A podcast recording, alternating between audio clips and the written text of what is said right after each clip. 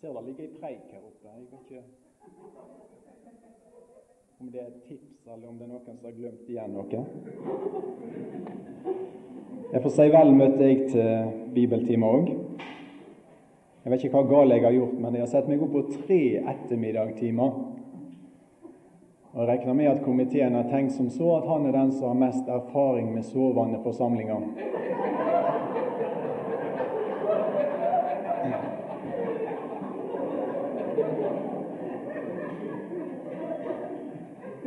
Eller kanskje det kan ha med alder å gjøre, dette her òg. Jeg vet ikke.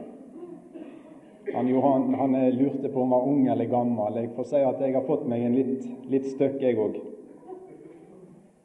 Eh, nå Sist uke var jeg på Raknestunet, på lærplassen vår inne på Osterøy, og hadde masse bånd og taler til å ha bibeltimer på. Og På lørdag hadde jeg en bibeltime og var ferdig med den og kom ut på gangen. Og Da kommer det springende ei lita jente, var sikkert åtte-ni år, bort, rett bort til meg. Og smiler hele ansiktet. Jeg tenkte nå skal jeg få en skikkelig god respons her på timen. Og så fikk jeg et spørsmål. Jeg har reist i 30 år og vel så da. Jeg har aldri fått det spørsmålet før. Vet du hva hun spør om? Skal jeg koste støv av deg?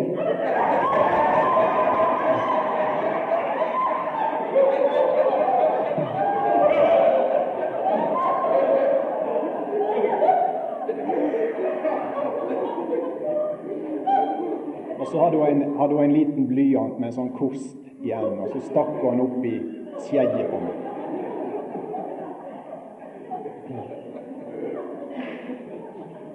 Det er kjekt å være med.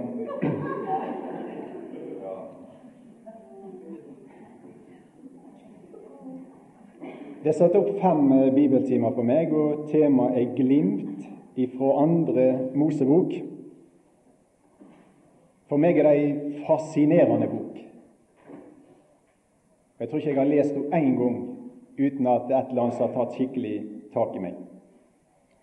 Men denne timen her så har jeg lyst til å faktisk bruke som en innledning, uten at jeg kommer til, til denne boka spesielt. da.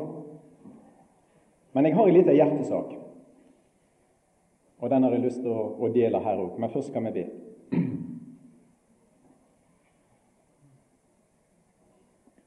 Himmelske Far, vi takker deg for det du har møtt oss med i dag. Og så fortsett med å be om nåde til å tale og nåde til å høre.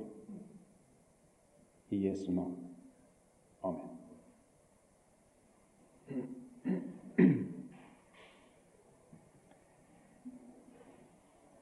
Vi lever i grunnen i ei underlig tid på mange vis, ei forvirrende tid og ei tragisk tid. De snakker om krise her, og de snakker om krise der. Jeg vet ikke hva område de ikke snakker om krise på i dag i dette her landet vårt. Og Hvis jeg spurte deg hva du syns var verst, så tror jeg kanskje vi fikk forskjellige svar på akkurat det. Det som jeg syns er mest tragisk i denne tida her, det er folk sitt forhold til eller syn på Skriften. Det har skjedd så masse forandringer i 30-40 år at det er helt å bli matt av. Ifra de fleste i dette landet hadde respekt for Guds ord og akta det høyere, eller iallfall ganske høyt, og til i dag, når det meste av respekt synes å være vekke i mange. Det er mange som åpent angriper Guds ord, og det er mange som ringeakter og ikke bryr seg.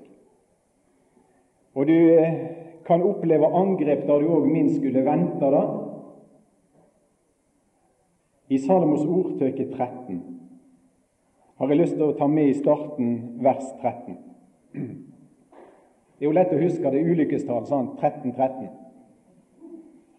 Og det er et ord som ikke er gått ut på dato. Det er forunderlig flott med Skriften, med Guds ord. Det evige ord, og det ord som ikke taper seg, og som har gyldighet hele veien. Og Dette ordet er sånn at det går an å forstå for alle. Det er en del ord som er vanskelige, men dette her er veldig klart og veldig enkelt. Den som vanvører, eller den som ringeakter ordet, ødelegger seg sjøl. Så holder egentlig Skriften fram en enkel og klar vei til ødeleggelse. Og Det går ikke på alle tingene rundt omkring, men det går egentlig på et menneske sitt forhold til Skriften, til Guds ord. Den som har age for bodet, den som har ærefrykt for bodet, han får lønn. Der har du det positive, og så har du det negative. Og så spør egentlig Skriften av hva vil du gjøre med dette. Hvordan vil du stille deg i forhold til disse tingene? Den som vanvører eller forakter eller ringakter ordet, han ødelegger seg sjøl. Og det er ikke vanskelig å se. Og I denne situasjonen så har jeg lyst i denne første timen i dag å gjøre noe som jeg har gjort en del ganger før. Jeg har lyst til å holde opp noen nøkler som for meg er gullnøkler til gullboka. Og Jeg gjør det fordi at jeg har fått så masse hjelp av disse tingene sjøl at jeg tenker kanskje jeg kan få lov å hjelpe noen andre med de samme nøklene. Og For en del av dere er dette kjent stoff. Det gjør ingenting. Vi trenger å bli minnet igjen og igjen om de gamle tingene.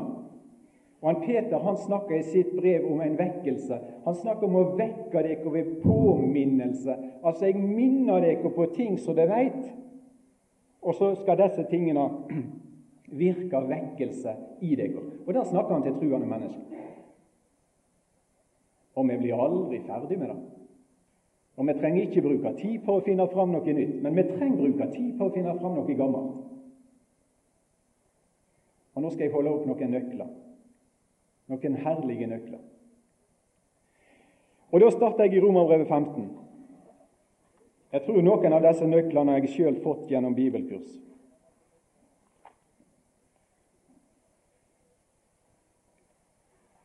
Og I det tredje verset, siste del av vers 3, så står det 'spottorda fra de som spotter deg, fall på meg'. Og det er et sitat fra en haugammal salme. Og så står vers 4.: Og alt som er skrevet før, det er skrevet til lærdom for oss, så vi skal ha håp eller von ved det tålmod og den trøyst som Skriftene gir må Gud, som tålmodet og trøysta kjem fra, gi dykk ein hug innbyrdes etter Jesu Kristi forbilde. Hva sto der? Det står mange ting. Tida har vært for kort, ja. Det er litt av det gamle problemet. Men hør nå her. Alt som er skrevet før, og Da refererer det i hovedsak til Det gamle testamentet, men òg det som er skrevet før dette verset er nedtegna. Og jeg har stor frimodighet til å si det gjelder hele Det nye testamentet òg. Jeg tror vi anvender det med stor riktighet og sier at alt som er skrevet før innenfor disse to permene, det er skrevet oss til lærdom. Og dette er altså Gud som sier, og det er Gud som vil gi oss bibelsyn. Alt som er skrevet før, der er andre Mosebok med. Det er skrevet meg, det er skrevet deg til lærdom. Her har Gud tenkt nå skal jeg gi deg lærdommer, og disse lærdommer har jeg nedtegna i disse bøkene. Og så er det spørsmål ikke om det er lærdommer som er gode, om det er en god lærer, men det er spørsmål om her er elever. Vi har verdens beste pensum. Vi har verdens beste lærere. Jesus, Den hellige ånd, Faderen. Det er det spørsmål om er jeg elev? Ønsker jeg å lære? Alt som er skrevet før, er skrevet oss til lærdom. Og så står det om noe som Skriftene gir. Vi skal ha von ved det tålmod og den trøst som Skriftene gir. Hva sto der? Der sto at Skriftene gir iallfall to ting der. Tålmod og trøst. Trenger du det? Her er en brønn som veller fram, her er ei kjelde som sprudler fram, og der kan du ta inn noe som gir deg tålmodighet og trøst. Og på veien hjem, folkens, så trenger iallfall jeg til begge deler. Jeg trenger tålmodighet, og jeg trenger trøst. Og så er her ei kjelde som jeg kan gå til, som gir og gir og gir og gir. Og I det neste verset står det om Gud, som er tålmodets og trøstens Gud. Hvordan gir Gud? Han gir igjennom disse skriftene. Tålmodighets Gud gir tålmodighet gjennom skriftene, og trøstens Gud gir trøst igjennom skriftene. Alt som er skrevet før, er skrevet oss til lærdom, og det er gitt oss for å gi oss hjelp på veien hjem. Trenger du det? Og når du leser, når du liksom drikker disse kjeldene her, så, og, og, og leser denne her boka, så får du med forfatteren å gjøre. Du får med forfatteren å gjøre. Det er flott.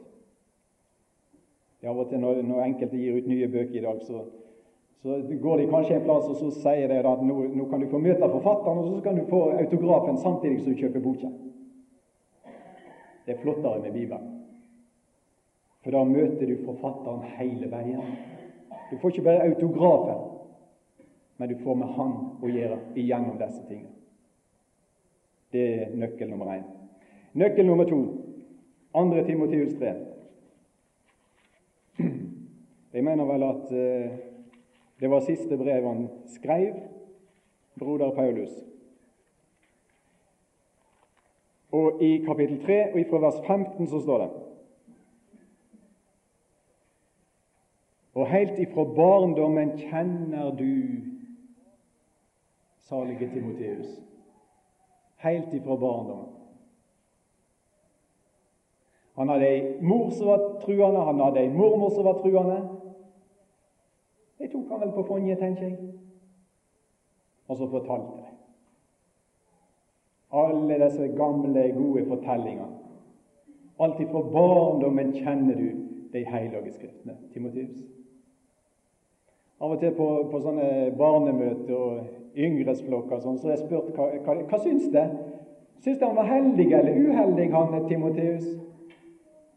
Så ifra han var liten gutt av, fikk kjennskap til de hellige skriftene. Vet du hva samtlige svarer? Hellig.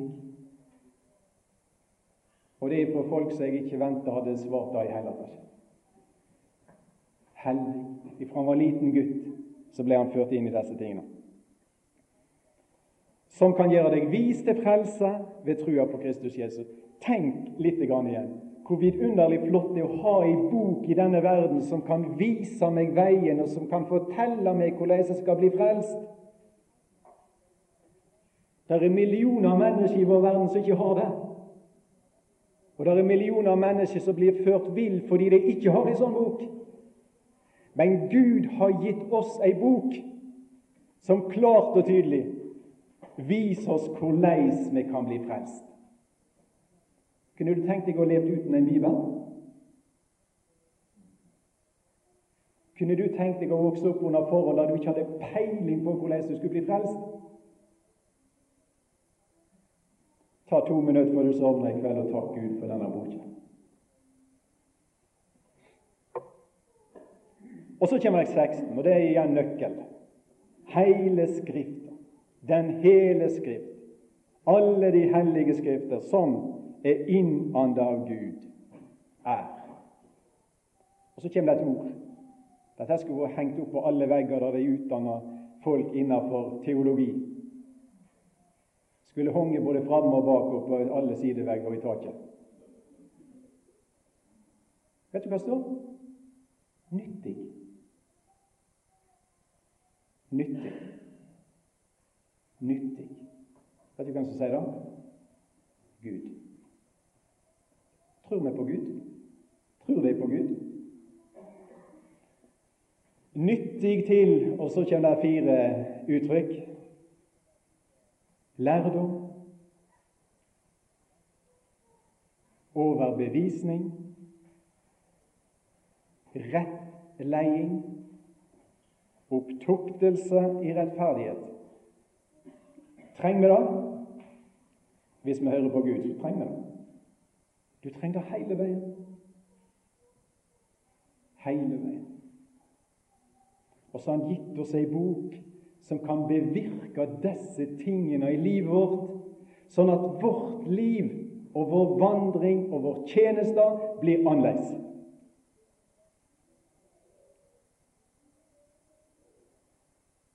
Det forskrekker meg av og til. Det er litt sånn teologisk Ja, det er snart ingenting som forskrekker meg lenger, forresten. Men det gjorde iallfall det før. En del sånne teologiske debatter og sånne ting. Bibelen er ikke på i frågan i hele tatt. Altså det omtrent, De sier ikke det direkte, men de viser det egentlig at dette det, det er ikke noen nyttige saker. Dette har vi ikke bruk for. Og Så setter vi oss over disse tingene her, og så har vi liksom bedre vet og bedre forstand, og så har vi våre veier og våre tanker. Og det er jo mye bedre. Jeg skulle jo tro av og til at Gud ikke har peiling på noe slag. Iallfall ikke kristelig arbeid. Sånn oppfører folk seg i Norge i dag. Mens Gud vil løfte opp denne boka og si at her er det det trenger til lærdom, til overbevisning, til rettledning, til oppseiing i rettferd. Nå skulle vi preike lenge, vet du.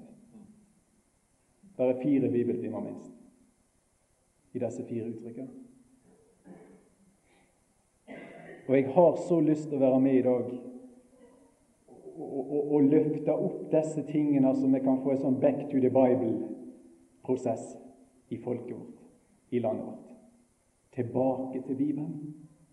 For folk har så ufattelig masse tro på alle ting, unntatt disse tingene som virker.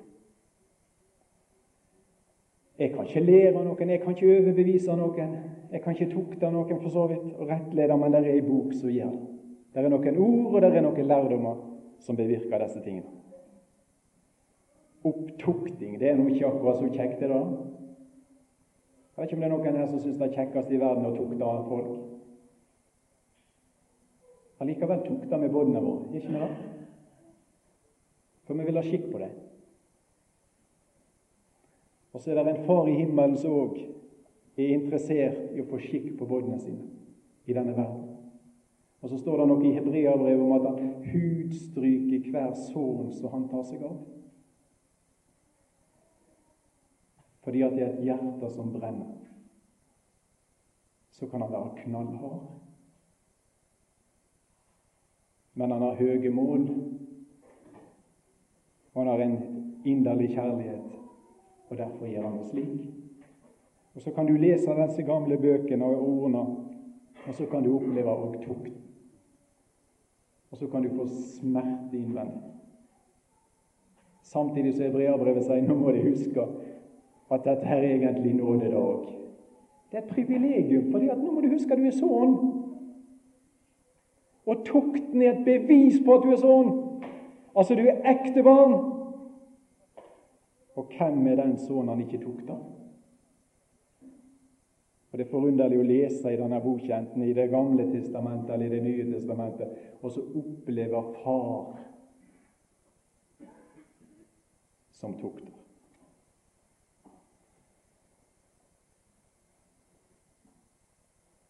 Innanda av Gud. Hele Skriften. Andre Mosebok òg.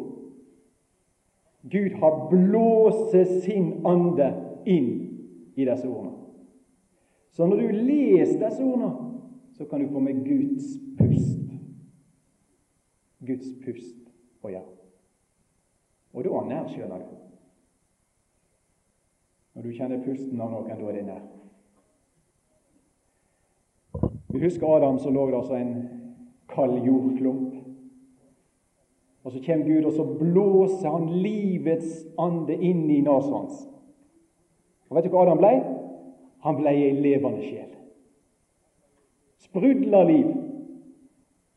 Og så har Gud blåse sin ande, han har innanda disse skriftene, sånn at det ikke er en kald jordklump eller en død ordklump, men ord som er fulle av liv og ånd og kraft.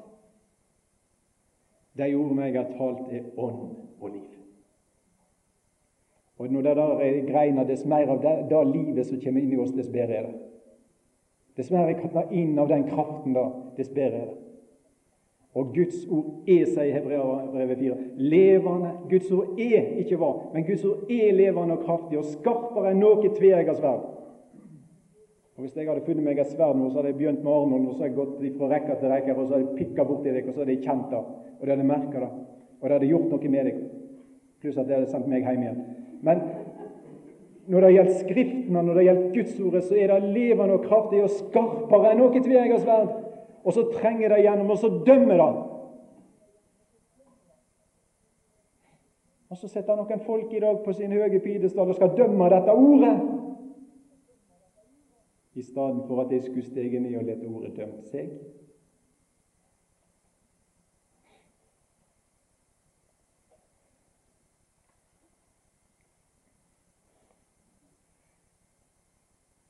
vers 17.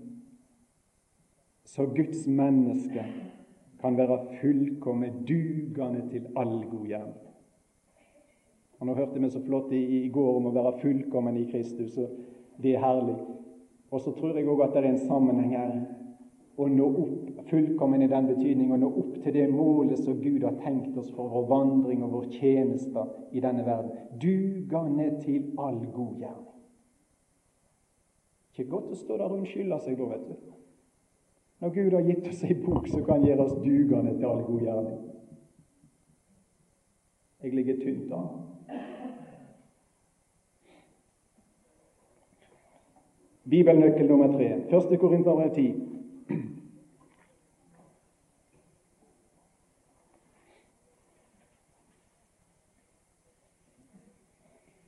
Første Korinterbrev 10. For jeg vil ikke, brød, at det skal være uvitende. Hører du det? Jeg vil ikke at det skal være uvitende korintere. Og så trekker han fram noe ifra den gamle boka, den gamle historien. Og så sier han dette, korintere, dette er aktuelt for dere. Og dette vil jeg at det ikke skal være uvitende om, for dette kan være til hjelp for dere i deres situasjon. Og så står det om at eh, fedrene våre alle var under skya, alle gikk gjennom havet. Alle ble døypt til Moses i skya i havet. De åt alle den samme åndelige maten, de drakk alle den samme åndelige drikken, for de drakk av den, det åndelige berget, klippen, som fulgte dem, og klippen, berget, var Kristus. Likevel fant ikke Gud hugnad i de fleste av dem, for de vart slegne ned i øydemarka. Her er vekkelse, står for Guds folk. Og Det er vel ikke mange som preiker over disse tingene. Men det er en del av lærdommen. For nå skal du høre igjen. Men alt dette, vers 6, hentes som førebilde for oss, for oss, så vi ikke skal ha lyst til det vonde, like som de hadde lyst til det. Vert heller ikke avgudsdyrkere som noen av de, slik det er skrevet. Folket setter seg ned for å ete og drikke, og de sto opp for å leike. Vi må heller ikke drive hor, liksom noen av de drev hor, og på én dag fall 23 000. 23 000 på én dag. Kan du tenke deg for noen dimensjoner på en tragedie? Vi hadde ei ulykke i dette landet for en del år siden. Jeg tenker på Alexander Kielland. Det var ikke 200 engang, var det? Hele landet og hele Nord-Europa var rysta. Kan du tenke deg et folk og så 23 000 lik på én dag? I et øyeblikk?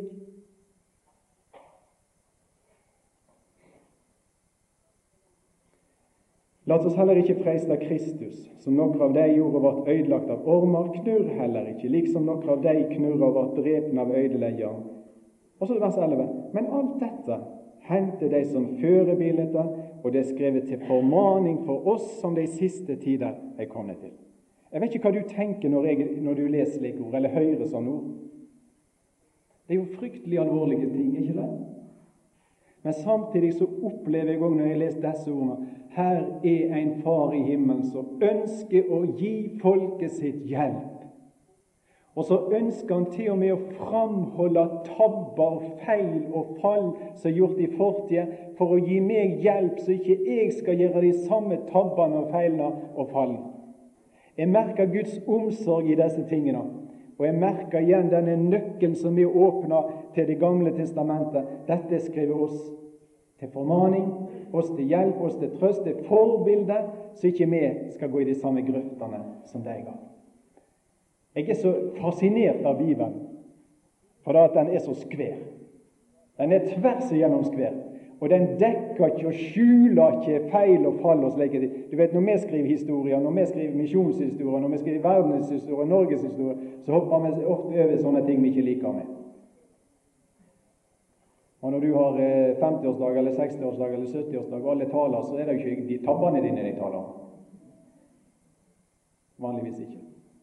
Vi er veldig gode til å dekke over sånne ting. Bibelen er herlig bok, for den bretter ut for oss menneskene sånn som vi er. Og den åpenbarer menneskehjertene sånn som det. Og det underligste av alt er jo da at Gud vil ha noe med dette å gjøre. Men poenget mitt i dag og i denne timen, det er altså at denne boka her, det er ei bok som er gitt oss til hjelp og disse skriftene, Det gamle testamentet Og hvor akk, sier en del når du bare sier det der ordet. da. Gamle testament. Jeg har så lyst til å si Bibelen er ei bok. Bibelen har én forfatter. Bibelen har én taler. Og Vi må ikke falle i denne grøfta at vi har en sånn gammeltestamentlig Gud og så en nytestamentlig Gud, og så var han sånn før og så er han sånn nå. Gud er den samme til evig tid. Og det er den samme Gud du møter i første Mosebok 1, så er det siste verset i Johannes' åpenbaring. Ei vidunderlig bok. Salme 119, vers 72.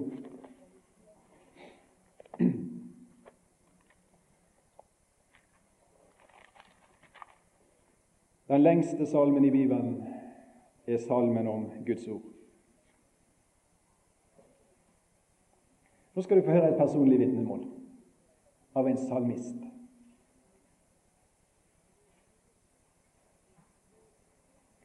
Lover ifra din munn, så taler han til Gud, er bedre for meg enn tusen stykker gull og sølv.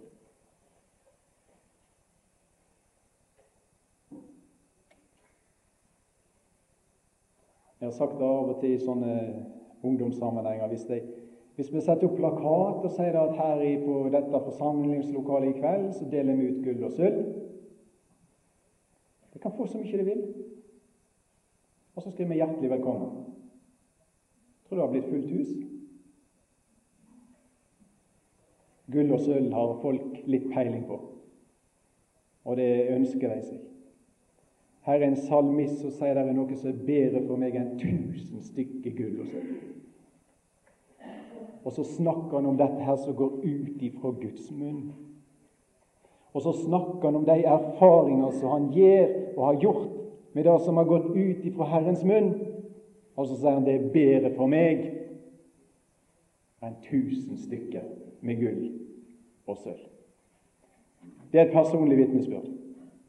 Se vers 127 i samme salme. Derfor elsker jeg dine bod mer enn gull, ja, mer enn fint gull. Og så har han oppdaga verdiene i det som har med Herrens ord å gjøre. Og så er dette mer enn gull for ham.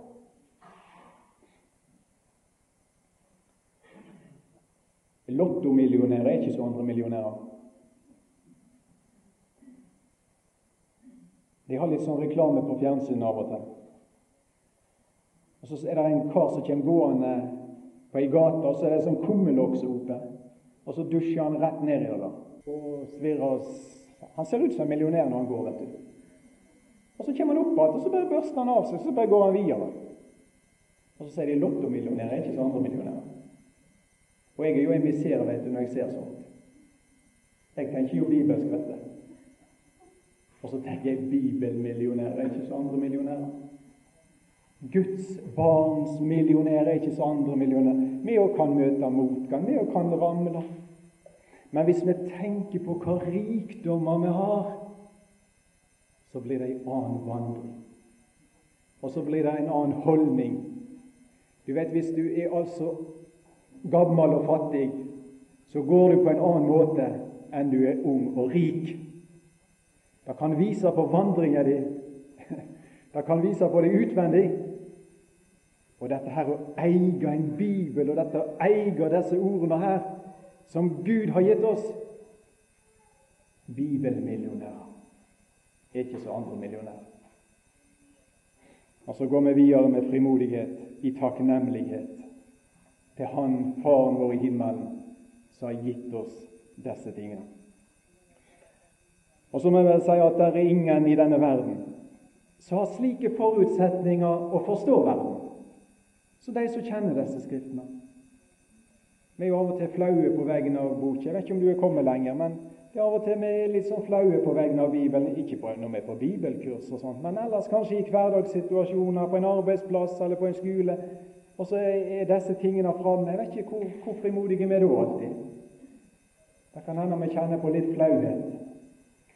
Men dess mer jeg leser, dess mer kommer jeg til den erkjennelsen at det er ingen i denne verden som har slike forutsetninger for å forstå denne verden som de som kjenner denne boka.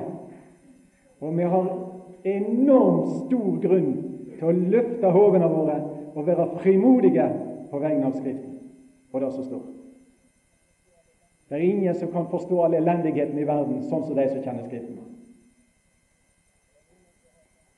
Og det er ingen som har sånn forutsetning for å forstå tida vi lever i, og menneskene rundt oss.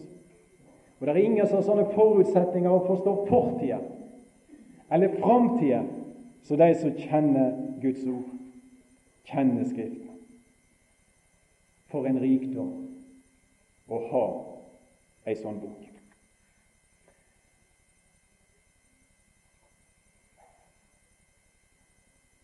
Jeg har lyst til å bruke den siste delen av timen nå til å se på en liten sak i andre kongebok 22. Nå er jeg på bibelkurs, jeg er fullstendig klar over det. Og Allikevel så kunne det vært gjerne interessant å spørre hvordan opplever du ditt forhold til disse skriftene? Jeg er helt sikker på at du er interessert, for ellers hadde du ikke vært her. Og det er gnistrende flott å ha så mange interesserte mennesker med tanke på Bibelen og de hellige skriftene. Men allikevel så kan jeg godt tenke meg at hvis du er bunn ærlig Og det bør vi jo være når vi er på bibelkurs så er det kanskje her en del som sier at jeg har litt problemer. Jeg har litt problemer med matlysten. Jeg veit jo egentlig litt om hva dette er, og så likevel så er det så vanskelig mange ganger. I andre kongebok 22 der står det en, om en sensasjon. Vi er vel en ca. 640-650 år før Kristus, og israelsfolket var i en vond og vanskelig situasjon så skjer det noe som forandrer hele nasjonen, iallfall for en liten stund. Og vet du hva som skjer? De finner ei bok. De fant ei bok som hadde vært tapt i mange, mange år. Det er noen som setter i gang og skal restaurere tempelet. Og når de begynte med det arbeidet, så oppdaga de ei bok. Andre kongebok 22. Da sa, vers 8. Da sa øverstepresten Hilkia til riksskriveren Safan, jeg har funnet lovboka i Herrens hus. Og Hilkia ga boka til Safan, og han las henne. Og Så kommer vi ned til vers 11. Og her er en konge som heter Josia, en ung konge vi får lese dette i sammenheng sjøl. Det er gnistrende interessant. Han hadde en knark til en bestefar. Og faren var ikke mye bedre heller. Bestefaren hans heter Manasseh. En av de verste kongene i Israel. Og de innførte masse ugudelighet i dette folket. Men nå er denne unge kongen, nå får han høre ordene ifra lovboka. De leser opp disse ordene fra denne tapte boka som var gjenfunnet. Kongen hørte ordene i lovboka. Han reiv synd klærne sine. Han hørte, og han reagerte. Og ikke bare da, men hvis du leser videre i dette kapitlet, så skal du se at han nå samler folket. Det tok så tak i han disse tingene han hadde hørt, og han skjønte hva som var forsømt. Så han samler folket, og han leser høyt for folket ifra denne boka. Og så ble det vekkelse. Reformasjon. I vers, eh, eller kapittel 23 og vers 1 så står det at da sendte kongen bod etter alle de eldste Juda og Jerusalem, og de samla seg Johan. Kongen gikk opp til Herrens hus, og hver mann av Juda, alle innbyggerne i Jerusalem, fylgte han, prestene og profetene og alt folket, både store og små, og han las opp for dem alt som sto skrevet i paktsboka, den de hadde funnet i Herrens hus. Kongen sto med søyla og gjorde den pakta for Herrens åsyn, at de skulle følge Herren og holde båret hans og vitnemål av føresegnene hans av hele sitt hjerte. Så gjør de pakt og så begynner de å rydde opp i ugudeligheten. Og så feirer de påske. Og så feirer de påske som de ikke hadde gjort siden dommerne sin tid. Men alt dette her er knytta til da at de gjenoppdager ei tapt bok. De får henne fram i lyset, og de leser den, de tar det til etterretning, de reagerer på den, og nasjonen og folket blir forandret.